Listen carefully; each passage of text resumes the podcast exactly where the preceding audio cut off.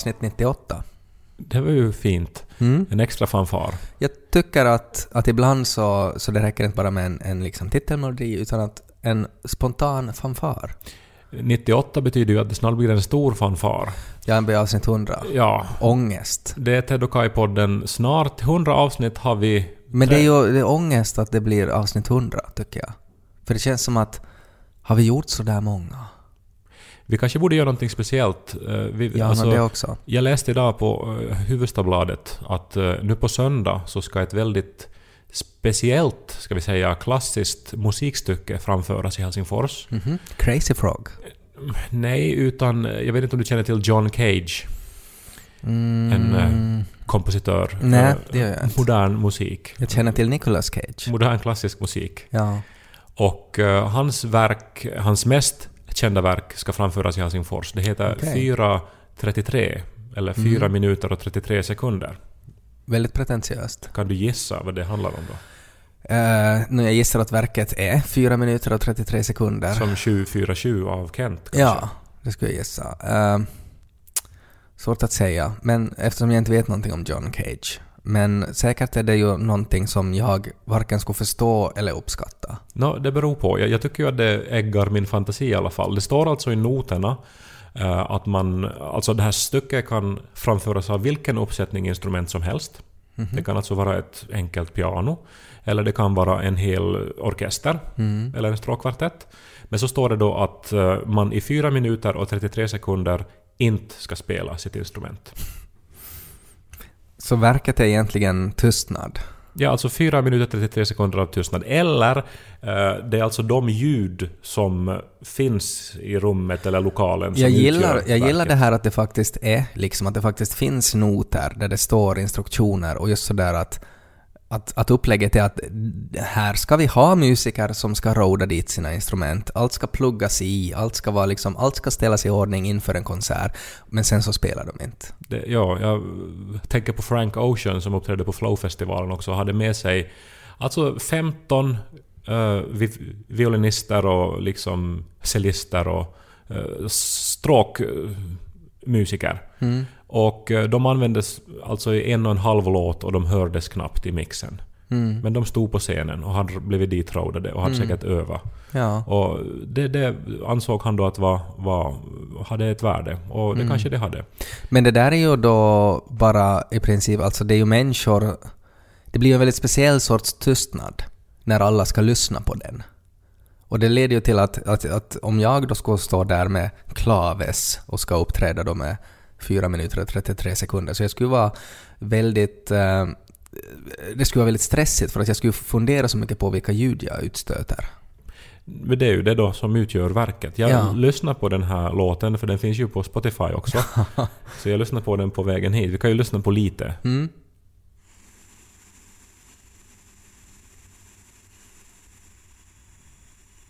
Jaha. Det är ju jättesmart. Alltså jag skulle hemskt gärna göra en cover av den här låten och sätta upp det på mitt namn på Spotify så att jag skulle få liksom royalties för det. Hur ska man göra en variation på den då för att liksom göra den till sin egen? Ska man lägga till en sekund, ta bort en sekund? Nej, då skulle det ju... Ja... Hmm. Skulle man kunna... eh, inte vet jag, göra en sån här... eh, att man remixar den? Att, att många gånger är det ju så att man gör en mashup av liksom två låtar. Mm. Att man har, kör liksom Madonna och Rednex och så blir det en helt ny låt. Alltså skulle man kunna göra då Crazy Frog och 4 minuter och 33 sekunder. Så att, att det är bara liksom, det är lite Crazy Frog och sen är det tyst resten. Jag undrar också om man skulle vara John Cage, skulle man kunna anklaga nästan vem som helst för att ha plagierat? Alltid om det är en paus Ja, så, så, det... får han royalties. Kan han också vara sådär som, att, som, som Pitbull och, och, och, Neo och allt vad de heter, de här som, som är ofta featuring, så är det ju sådär att, att det är liksom ”Yo Pitbull” och så kommer han in då och, och säger någon strof. Så skulle det kunna vara då att, att det är liksom featuring att det, det är liksom Blommig falukorv featuring John Cage och så sjunger de lite och så när det är hans tur så då står han, tar han i micken och bara Ja, varför inte? Varför Mm. inte? Men är ju- skojiga, skojiga idéer. Men det är ju spännande det här just att, eh, att, att göra ingenting till... Till eh, någonting. Till en, någonting. Jag vet, det var en sån här... Det, det är ju som man klarar högstadiet. En, Essäuppgifter. en, en bok som cirkulerar här nu kring när Trump blev vald, som Mm. var så här “Reasons to vote for Democrats”. Mm. Den var då, antar man då, utgiven av en republikan, för den här boken var alltså 300 tomma sidor. Ja. Och, och så var det ett jätteroligt skämt. Men jag eh, tänker ändå att den här podden kanske ändå... För den handlar inte alltid om någonting specifikt. Men Nej. att ändå från det här ingenting, om man kan säga så, så Mm. hoppas vi att någon kan hitta någonting meningsfullt. Ja, precis lika som att de rådar dit instrumenten och fixar och att allting är liksom upplagt för någonting. Men sen blir det inte något. Så precis samma sak med det här. Vi finns på arenan, vi finns på Soundcloud. Allt är liksom, allt är fixat, allt finns där, det har all potential. Men att what you hear is what you get.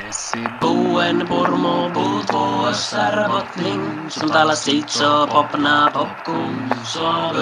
vi popnödena har precis varit på vår första radiointervju eh, om vår nya bok som nu har kommit från tryckeriet. Och det är ju häftigt, eh, den här känslan av att ha det här verket som man har hållit på med, som har på något sätt bara varit en dockfil och ens fantasi. Och nu finns det i färg och man kan hålla i det och känna på det och smeka på det. Och så får man också fara och prata om den. Jag minns när jag var oskuld, Mm. att jag tänkte att dagen efter att man har haft sex Mhm. så kommer det en bil eh, hem till där man bor. Och sen är det liksom två människor som kommer och berättar en hemlighet. Och sen säger de att det här får du inte säga till någon som är oskuld. Men är det som någon sorts företag som har den här bilen då? Jag, har för mig att det var, någon, det var staten nog på något sätt. Ja, Och, men att det här det är kan som man ju... en sexhemlighet. Ja, eller att nu har du uppnått den här statusen att du får veta det här. Mm. Eh, det som jag tänkte med det här då var att när man skriver en bok så är det ju att man sitter och fantiserar om något. Mm. Och eh, man längtar och man, man är orolig och man är ivrig. Mm. Nå, inte kanske kåt, men alltså så här uppspelt. Ja, Upphetsad nog. ja, på ett sätt. Och eh, sen när boken är färdig, och det tar ju ganska länge sen, Mm. att man hinner ju fantisera mycket. Mm. Så, så, så får man ju hålla i den och så smeker man den och så Mm. doftar man på den. Mm. Och så är man eh, otroligt lycklig och stolt. Mm. Trött och lycklig och Mm. bra jobbat och vill ta en cigarett. Ja, och sen efteråt så, Så är man helt tom inombords. så får bara man... gråter på duschgolvet. Nej men det här då att man då får liksom fara och prata om den. Just det, ja. Ja, och det är ju väldigt sällan man har ett sånt jobb, eller att man skapar någonting där man faktiskt får, får berätta åt andra och där det är tillåtet att skryta på sätt och vis. Alltså att om jag skulle jobba som svetsare och svetsa soffben så inte, inte skulle det vara okej att jag skulle gå omkring med det här soffbenet och gå in i radiostudior och, och, och, och prata om hur jag har svetsat det här och det tog länge men att, att det blir nog jättebra och, och att det är nog bara att liksom känna på det om ni vill och ta del av det här soffbenet. Men på något sätt att om man är författare så då får man göra det. Att det det nästan förväntas att folk är sådär, men vad handlar den om då? Ja, Vad- men den handlar om två vänner i högstadiet. Mm. Som eh, har nu blivit separerade för att den ena är ett helt år utomlands. Mm. Och den andra försöker då uppdatera den, den här kompisen om vad som händer i skolan. Mm. Skriver mail. Högstadiet är ju på något sätt för, för dig och mig också en, en väldigt, för, för alla, att, att det är en väldigt definitiv ålder på sätt och vis. Alltså att man, man kommer ofta tillbaks till högstadiet tycker jag. Att det känns ju som att, jag tror det har någonting att göra med det här ens uppfattning av tid. Alltså att när man är, när man är barn så, så är ju sådär att somrarna är evighetslånga. Och, och det finns ju teorier då om att det är för att man helt enkelt inte har upplevt lika mycket tid så därför så tar det längre. Och ju, ju äldre man blir så desto snabbare börjar det gå för att man är liksom van att uppleva tid. Och högstadiet är kanske en sån här ålder att, att det är liksom där på gränsen, att det känns fortfarande länge att gå i högstadiet. Och världen är väldigt svartvit, man, man får ha trauman i högstadiet som man pratar om än idag. Ja, men man blir ju medveten om sig själv Ja. och, och sina brister och sina Mm. styrkor. Och sen så, så ska man ju genomgå en sån här fysisk och psykisk också utveckling, Mm. puberteten. Och, och, och det är ju som upplagt för att det blir, blir lite jobbigt. Mm. Eller så att det blir väldigt roligt också. Ja, och det är ju därför vi tycker att det är en, en skojig grej att skriva om, för att det på något sätt är ju man är ju olika varelser i högstadiet.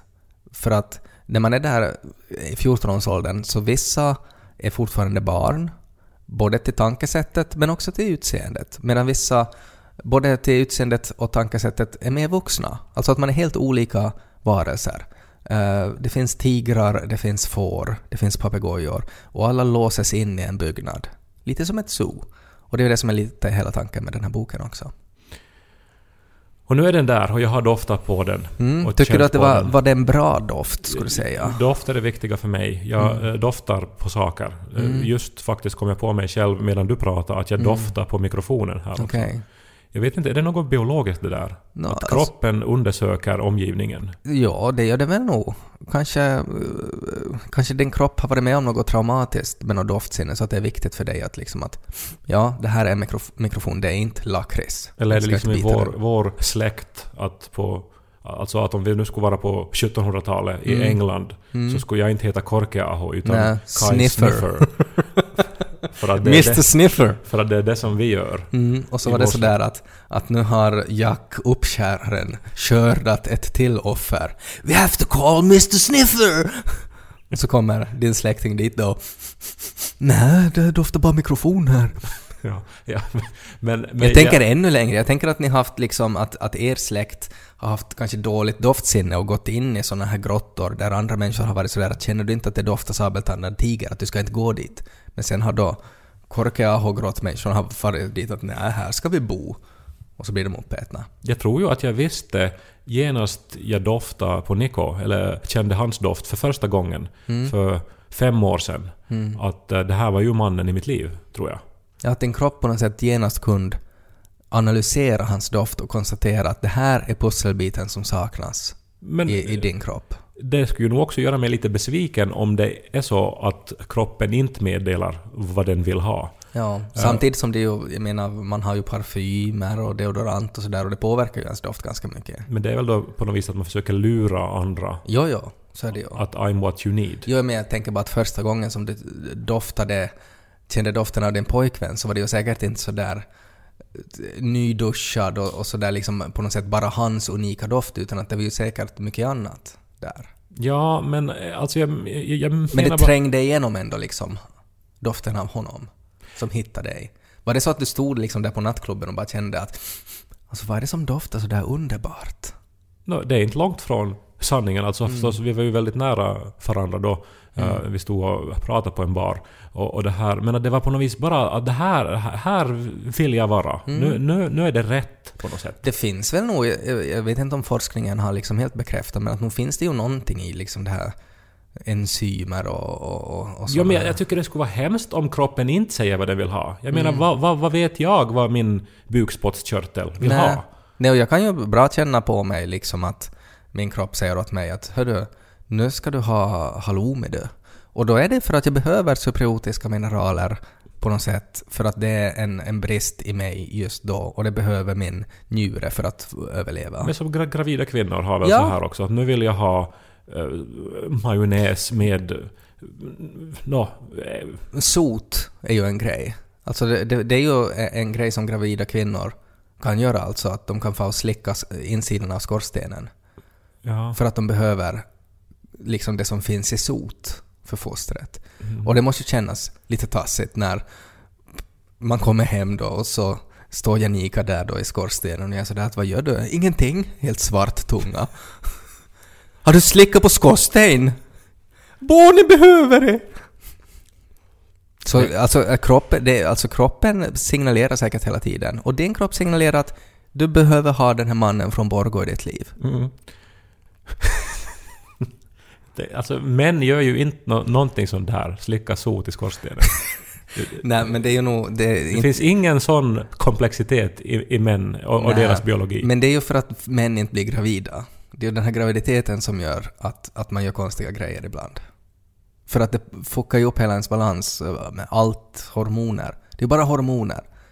Men varför har de inte sot som ett eh, alltså, eh, som livsmedel, som kosttillskott då? Men Varför ska man säkert finns måste det ju... ännu liksom 2017 förnedras genom att måste slicka skorstenen? Men det- Om man nu behöver Jo, sot. men inte det är ju någon sån här som en grej som man liksom gör varje dag. Det är nog bara något som jag har läst om att gravida kvinnor kan ibland få för sig att de behöver sot. Kanske det är jättegott med sot?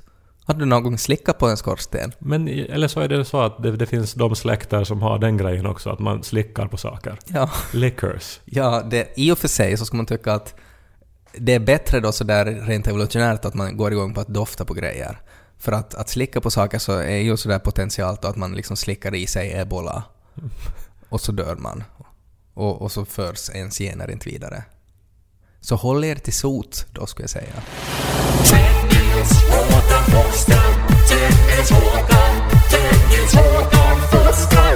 Var ju på middag på ambassaden då. Ja, du pratar ganska mycket om det. Nå, jag Ja. nämnde det kanske i förbifarten, ska vi säga. Ja, i den här podden ja, men sen så har du nog pratat ganska mycket om det också. Och jag ville ju, det, det enda som jag ville var ju att du skulle träffa, var det Alice Ba? Eh, och så kom vi fram till att hon har ju varit med i Disney-dags och så skulle du diskutera titelmelodier med henne. Gjorde du det? Om jag får ta det ett steg i taget här nu. Mm. Att, jag, Hon att, jag, dofta. att jag var ju nervös och Ja, förstås. Det är, upp mig. det är inte alltid man träffar någon som har varit med i Disney-dags. i min finaste kostym Mm. och eh, anlände ju i god tid. Mm. Eh, utanför så stod, uh, nu jag ska nu inte nämna vid namn, men någon Musse minister, någon minister eh, från Finland. Ja. Och så kom det någon så här högt uppsatta rektorer för olika institut. Varför var du där? Nå, jag, jag var ju också överraskad, för jag har inte fått Mm. sådana här inbjudningar jätteofta. Nej. Och eh, att där är då ministrar och sånt, så det är ju någonting som man kan förstå. Men Mm. att jag var ju ändå så här rätt så lycklig då över att ty, tydligen så, så, så har jag någonting att göra i ett sånt Men var du sällskap. lite som sådär som så att man har en, en skojig apa som kan vara rolig att visa upp? No, men när- jag, jag undrar ju just i de här banorna, alltså vad är det som är att jag har blivit inbjuden? Ja. För att jag är ju inte eh, politiker. Nej. Jag, jag är inte en sån här, eh, alltså någon som de här svenskarna eventuellt skulle, skulle kunna du, veta vem man är, eller som Nej. man skulle kunna få ett direkt utbyte av. Mm. Jag är en liten författare, Mm. men glad över min inbjudan. Mm. Nå, det anländer fler och fler ministrar. Och jag känner mig mer och mer så här att oj, jag har ju nog, jag har ju nog liksom någon sorts anseende här nu att jag får Ja. ändå umgås med de här människorna. Verkligen. Ja. Alla var klädda i kostym. Ja. Småpratade vi och... Och så det här öppnades dörren till det här fina huset. Mm. Och så gick vi in och, och där var då den här tavlan av kungen och... Har kungen gjort en tavla? Nej, det är en tavla föreställande kungen. Jaha. Alltså Karl XVI Gustav. Just det. Som vakar över en när man går upp för den här väldigt ståtliga trappan. Mm. Och här fina mattor och... och Har de så här utklippt ögonen på tavlan så kunde de liksom stå där bakom den och spionera? det tror jag inte. Okej. Men jag kollar tycker inte så jag är- noggrant. Jag tycker att det är liksom enda orsaken att ha ett så här stort porträtt av någon upphängd som ser över en hel sal. Att det är ju så att man ska kunna spionera genom ögonen. Vi kan utgå från att någon spionerar genom ögonen. Ja, säkert så är det ju så. Mm. Det är säkert vakter och grejer. Säkert är det ja. det. Uh, och så kom vi då upp i den här stora salen och, Mm. och uh, det skakades hand då. Mm. Och, uh, alltså kanske 50 människor, Mm. varav 48 var såna här vet du, högt uppsatta människor i samhället. Mm. Och så jag. Och där låg Alice Ba på bordet och de hade gjort en så här mänsklig sushibuffé. Att de hade liksom placerat ut bitar av sushi på henne. Jag, jag vet inte hur jag ska kommentera det där Nej, ens. jag bara... Jag bara... Ja, jag bara tänker ofta på Alice Ba. Men hur som helst, så sen då så äh, finns där en sån här lista över bordsplaceringen. Mhm. Och äh, alla går då via den då för att, för att se var man ska sitta, vid vilket bord. Mm. Och... Äh, Var det så där? Jag var en gång på ett bröllop och det stod, istället för namn så stod det så här liksom lustig kurre som tycker om att prata i radion. Och så var det jag då sådär. Nej men där stod det liksom då Claes Andersson. Okej, det Alltså, var alltså namn var- bara. Ja, ja. Mm. Och äh, han är ju till exempel en före detta minister och Mm. vi vet, han är författare, han är, han är en påverkare, han är som att, det är som klart att Claes Andersson ska vara där. Exakt. Men jag då gick fram då till listan för att se då att ska jag nu då få sitta nu då med, med vem? Men mitt namn fanns inte på listan. Oj nej. Och då var jag så här att ett ögonblick var jag så här att alltså har jag hittat på det här att jag är inbjuden hit? I en psykos har du bara varit sådär ”Nu är jag inbjuden till ambassaden”. Ja, och sen har jag ändå reagerat på att varför skulle jag vara det? Vad Ja. gör jag i det här sällskapet? Men jag tycker ju om Disney-dags. Men, och, och jag liksom dubbelkollar eh, med så här lätt panik, går igenom namn för namn Det, vid alltså, alla det, är ju, bord. det är ju det värsta som kan hända. Och jag finns inte med på listan. Är det meningen att du ska sitta i famnen på någon då? Och sen så här nervöst säger jag då till någon högt uppsatt människa att Mm. jag, jag tycks inte finnas på listan. Och blicken jag får är ju som att väldigt så här oroligt att vad är det här för typ nu då? Det här Ja. är någon som har brutit sig in hit nu då. Ja. Någon psykopat. Ja. Som, som kanske ska göra någonting. Han har gått omkring och doftat på allihopa. Men det är ju fruktansvärt det här. Du, du för, Jag, förstår jag, säkert. alltså jag förstår att det, här är det absolut det värsta som kan hända. När man dessutom är redan obekväm i situationen och funderar att varför passar jag faktiskt in här? Och så får man svart på vitt att nej, det gör du inte. Men jag undrar ju alltså att ska jag bara liksom nu då låtsas att jag är på listan? Låtsas att du är Claes Andersson kanske och sitta på hans plats och säga att här var det upptaget. Eller har jag då kanske faktiskt fel i huvudet? Att, att, att, att allting är liksom påhittat av mig. Mm. Men eh, tack och lov har jag ju med mig min e-postinkorg Mm. och liksom kan då nog scrolla fram den här inbjudan som jag nog faktiskt då har fått. Mm. Och också i min utkorg se att jag har nog anmält mig också. Ja. Eh, så att eh, lite försynt då med de här mejlen går jag då fram till ambassadören och, och stammar förstås, vilket ju inte gör mig mera trovärdig. Mm. Nej. Eller, eller, eller mera så här... Du ser att de här ögonen på kungen liksom helt tittar snabbt på dig och... Och meddelar då stammande och nervöst och svettigt då Mm. att, att, att jag är inte på listan, men jag har nog fått inbjudan. Mm. Du doftar jättegott. Nå, det visar ju sig nog då att det var nog helt enkelt bara ett misstag just med den här listan. Ja. Och, och, och sen så ordnades det nog och mitt namn eh, skrevs mirakulöst. De har ju, de har ju beredskap för alla situationer. Mm. Så att på ett ögonblick skrevs ju mitt namn in på listan. Ja. Och sen hade jag ju en plats. Mm. Och så, och så blev allting bra ändå. Ja. Men eh, ett ögonblick av, av, eh, Vad hemskt. av panik. Ja. Det är som en sån här överklass-skräckfilm. på något sätt. Jag har ingen plats på ambassadens middagsbjudning. Turururu. Kairi,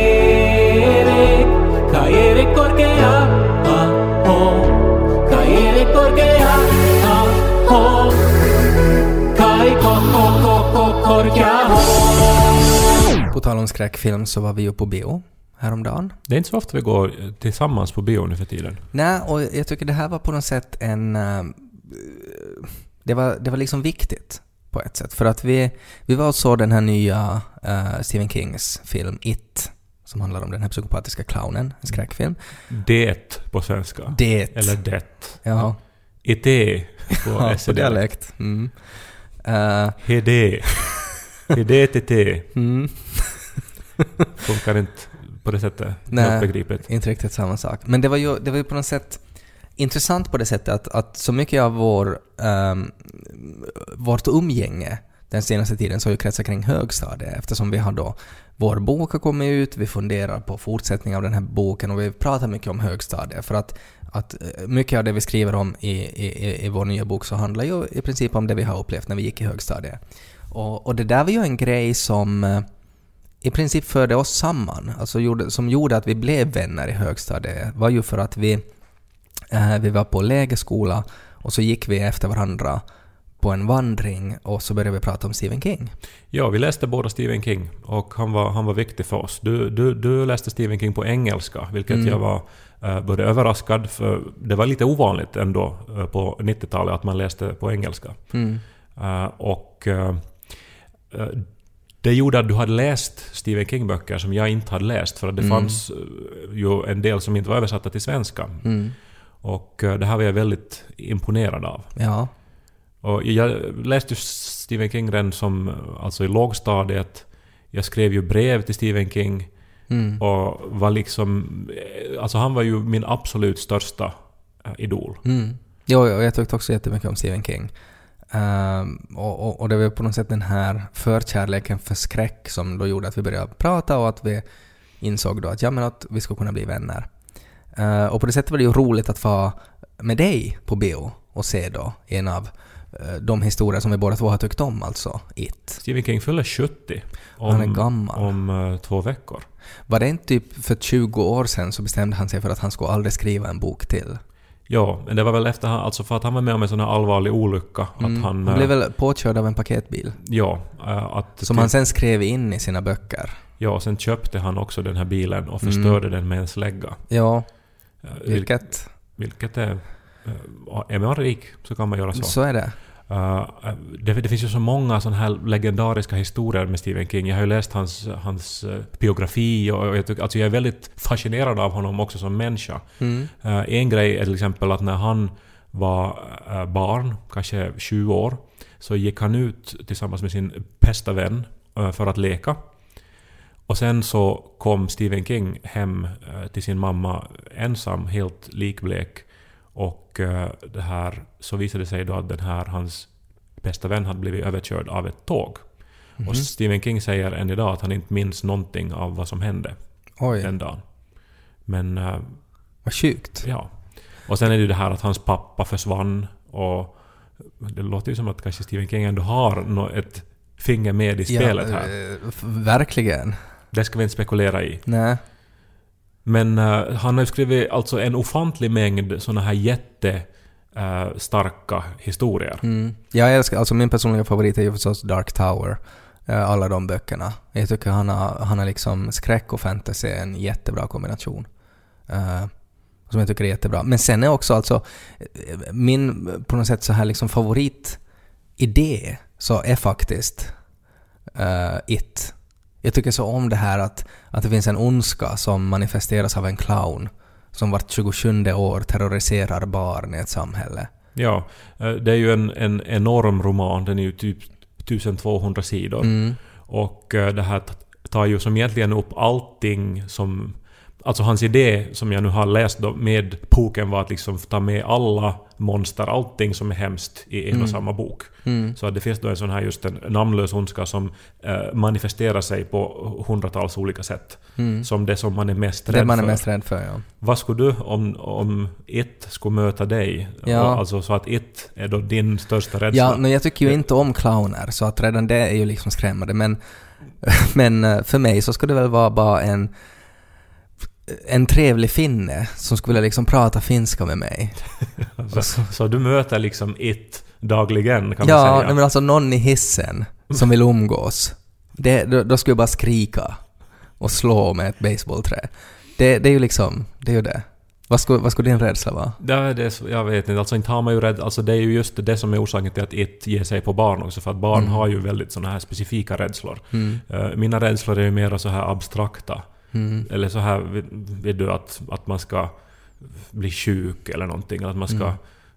Nå, att stamma i direktsändning är en sån här klassisk rädsla jag har gått med. Så att ett Clownen funderar sådär, åh, hur ska jag manifestera det då? kommer med en stor mikrofon Ja, och en röd, gående röd lampa som... on air skylt Mm. kommer gående på stan. Ja, ganska skrämmande. Ja. Ja. Men eh, jag älskar ju den här filmen nog, måste jag säga. Ja, jag tyckte den var riktigt bra. Jag tyckte framförallt så tyckte jag att Bill Skarsgård gjorde en, en, en, en fin tolkning. Jag älskar det här Dregle. Han, han, han, han blev liksom så... Han var så på de här barnen så att Dregle bara rann. Det tyckte jag om.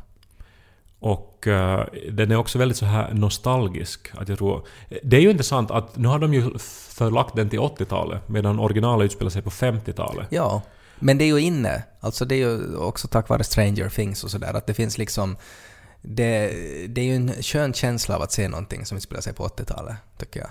Ja, men jag undrar också om det är för att den här original... Alltså Poken släpptes 86 Mm. och, och då var ju 50-talet liksom 27 år bort typ. Mm. Och eh, det här, är det liksom så nu att nu är 80-talet så gammalt och så retro för eh, dagens värld som 50-talet var på 80-talet. Säkert, säkert är det så. Det tycker jag bara är spännande också för att 80-talet för mig är ju en, ändå ganska levande. Ja. Fast man var ett, alltså det är ju länge sedan om man var ett barn. Mm. Men, Men den här estetiken, de här, alltså jag tänker ju på alla de här äventyrsfilmerna som Steven Spielberg gjorde. Mm. Eh, som Indiana Jones förstås, men också såna här Goonies. Mm. Eh, alltså det är ju den stilen det här Ja. gjordes. Och det, det funkar jättebra. Jag har ju funderat, alltså för jag tycker, jag tycker så om den här idén att på något sätt att, att det finns ett monster som blir det man är mest rädd för. Mm. Och jag har ju jag har alltid haft en idé om att man skulle kunna göra en, en, liksom en egen variant av It. Ehm, men att jag skulle inte vilja att det skulle vara med barn, utan jag tänker att, att vad om det skulle vara liksom med, med äldre människor? Att vad är det då som, precis som du sa så är det ju svårt att hitta ibland vad man är rädd för. För att det, man är ju inte liksom rädd för spindlar utan att man är rädd för att bli utan jobb eller så här lite mer abstrakta grejer. Men sen så insåg jag att det finns ju faktiskt en konkret sak som, som är, kan vara otroligt skrämmande för alla över medelåldern. Och det är helt enkelt att man skulle göra Stephen Kings IT. ja, Där det är liksom i princip datorer och internet som är det mest skrämmande. Och det här tycker jag, eh, det är ju en, en klockren idé, alltså att man borde göra Stephen Kings IT, där det är helt enkelt det är kanske fortfarande en clown, eller så är det någon systemadministrator som bara dyker upp och skrämmer gamla människor med, med att nu måste de lära sig e-post. nu måste Windows XP Ja, uppdateras. ja det, det tycker jag. Vart 27 år så ska operativsystemet uppdateras. Ja, och sen så är ju alla i panik förstås då, som har lärt sig ett, ett system. Ja. Och så måste man då lära sig något nytt. Jag tycker det här är jättefint. Kan inte vi göra, kan inte vi göra liksom här i podden så gör vi trailern till Stephen Kings IT? Okej. I en värld där allt har fungerat som det ska. Hej Monica, har du den där nya rapporten? Jag faxar den till dig. Men kiva. Där det inte har funnits något att vara rädd för. Nej, du ska ha det på diskett också. Jo, det är viktigt. Är allt på väg att förändras. Monica, kommer du in på Jag datan? trycker och trycker, det händer ingenting. Man måste nå uppdatering. Vart 27 år hemsöks befolkningen av en namnlös ondska. Salte satan, det tar inte emot mitt lösenord! Dina värsta rädslor besannas. Du måste aktivera tvåstegsverifiering. Dina vänner prövas. Då sidan stöds inte av Netscape Navigator. Operativsystemen måste uppdateras. Vi svävar alla här i molntjänsten. Stephen Kings IT. Du måste lära dig någonting nytt. Dead divide, by, dead or divide. dead. Dead